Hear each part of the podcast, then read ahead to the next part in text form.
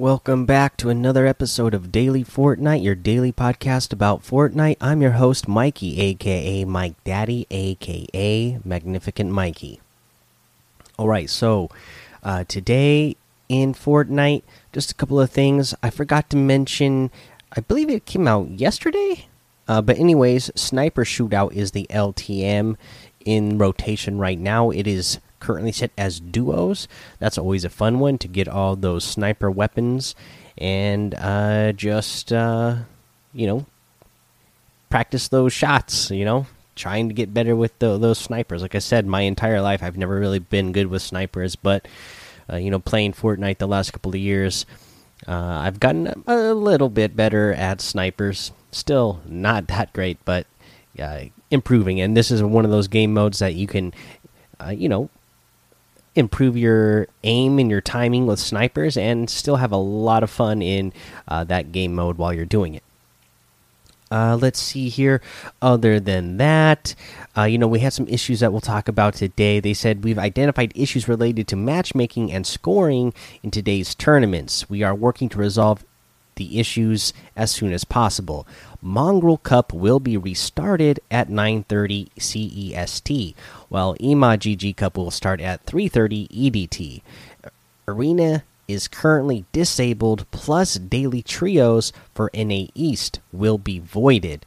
Uh, this there's been a couple updates since then due to the these issues. Battle Royale daily trios will also be voided, and no prizes will be rewarded.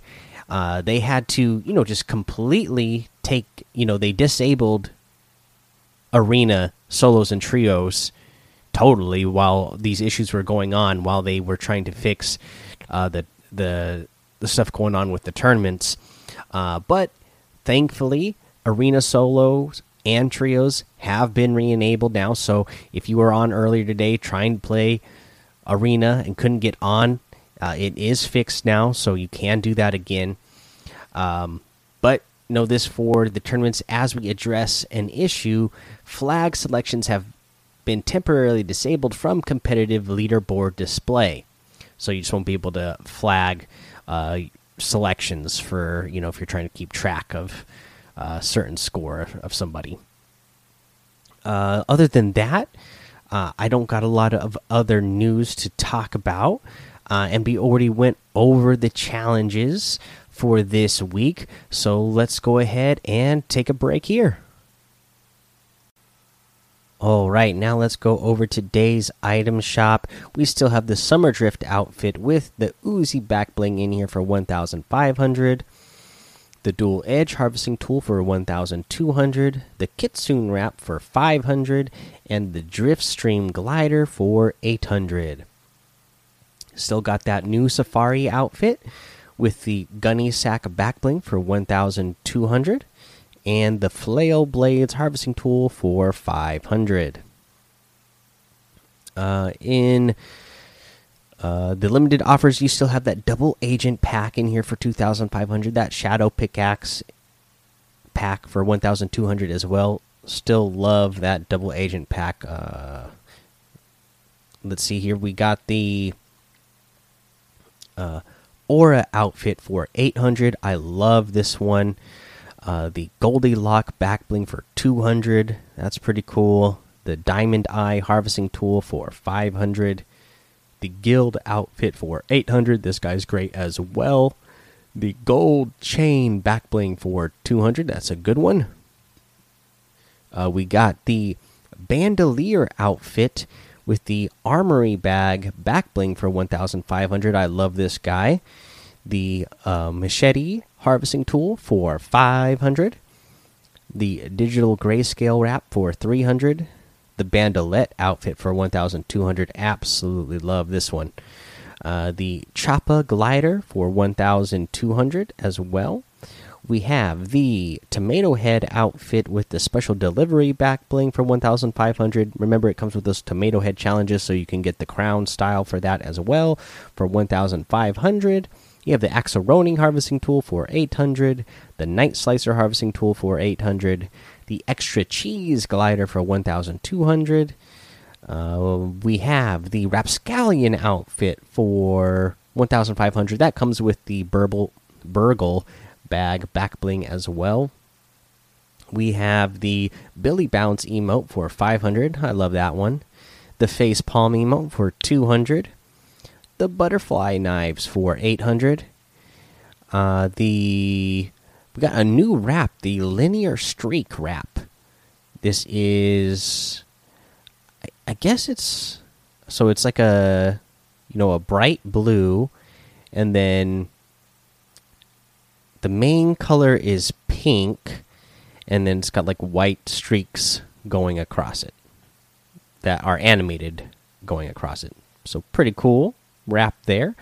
And you have the Hugo outfit that comes with the emissary bag, back bling, and the butterfly knife emote. That's the built-in emote with that one. You get all that for 1200. So, really good item shop again today.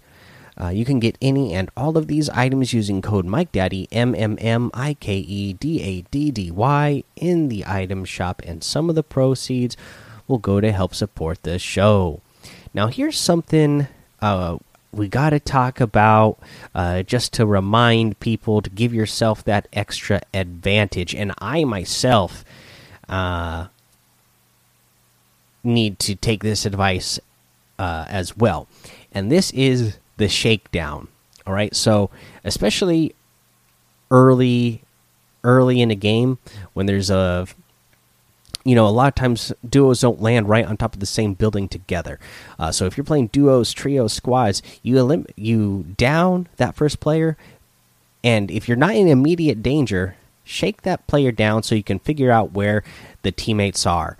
Uh, you know, I know out of habit, a lot of us uh, will just leave the person sitting there and or uh, you know go on full on eliminate elimination on them. You know, just take them out uh, before shaking them down. And if you do that, uh, and their partner is still out there, they're obviously going to be wanting to get that uh, uh, that card, the reboot card. So if you if you don't shake them down first, uh, you know you're you're not giving yourself every advantage that you could have because you you even if you're going to decide to fully eliminate this player you should still shake them down first because then you know if their partner is coming right away or if they're being cautious and they're waiting for you to leave.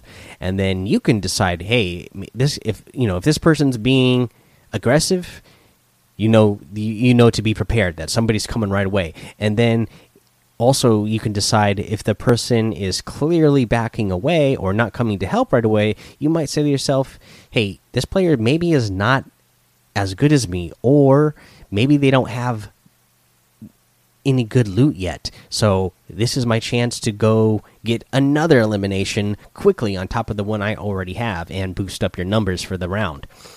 Uh, so th that's something to remember, guys. Uh, you know, I know myself and a lot of you that I play with, we always, uh, you know, forget to do that shakedown. But don't forget to shakedown, and that goes for anything really. Even when you're going around the map and you're doing, uh, you know, even if you're playing solos, you know, and you're knocking henchmen, shake down the henchmen. Uh, you know, especially if you're going to the you know the bases where you know that where where we have the bosses at, like uh, where if there's kit, you know, if we have kit there or jewels, you're gonna want to know. Uh, where they are because they're not always in the exact same spot, right? They move around, so you're going to want to know where they are.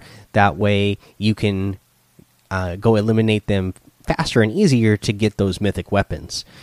Alright, guys, that's episode for today. Go join the daily Fortnite Discord and hang out with us. Follow me over on Twitch, Twitter, and YouTube. It's Mike Daddy on all of those. Head over to Apple Podcasts, leave a five star rating and a written review for a shout out on the show. Make sure you subscribe so you don't miss an episode. And until next time, have fun, be safe, and don't get lost in the storm.